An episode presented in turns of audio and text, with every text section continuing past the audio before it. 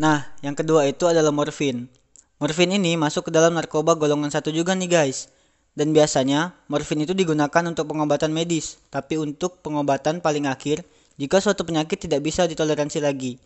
Tapi, untuk orang kecanduan morfin, mereka akan merasakan kehilangan rasa sakit dan akan terus-menerus mengkonsumsi morfin dan juga bisa memberikan efek samping seperti mengantuk.